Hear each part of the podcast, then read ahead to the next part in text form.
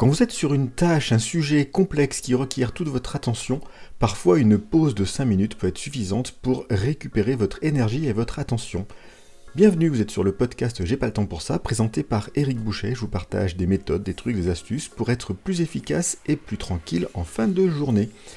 Dans le cas de la pause de 5 minutes, eh bien on continue notre réflexion commencée à l'épisode précédent sur la méthode Pomodoro. Cette fois-ci, on s'intéresse à la deuxième partie du Pomodoro, les 25 minutes de concentration et les 5 minutes de pause.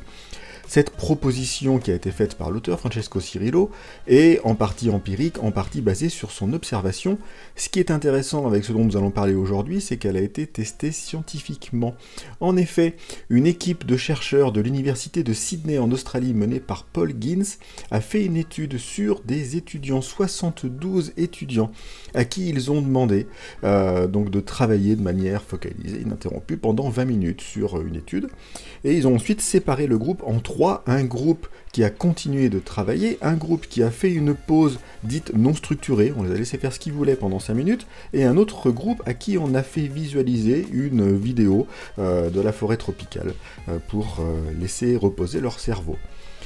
Ce qui devait arriver arriva, vous vous en doutez, c'est que les deux groupes qui ont eu leur pause de 5 minutes se sont avérés plus efficaces dans la deuxième partie du test, donc on leur a demandé de continuer un travail concentré, que le premier groupe qui lui n'avait pas eu d'interruption.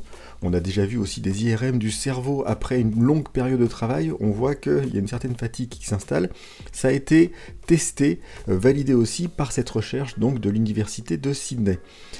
Le point qui est intéressant ici, comme ça avait été dit de manière empirique dans la méthode Pomodoro, il ne s'agit pas d'aller marcher loin, il ne s'agit pas d'aller faire des choses très spécifiques, mais c'est le fait de laisser votre cerveau se reposer, ce qui veut dire aussi dans le concept de pause que vous n'allez pas par exemple aller sur les réseaux sociaux, euh, vous n'allez pas forcément aller faire d'autres choses complexes, c'est vraiment laisser au cerveau le temps de se poser.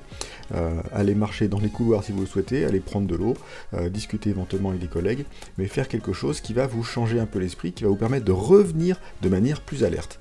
Voilà, donc c'est le bénéfice de la pause de 5 minutes. Vous avez pour ceux qui lisent euh, le podcast aussi le lien sur l'article de cette recherche de l'université de Sydney si vous voulez en savoir plus.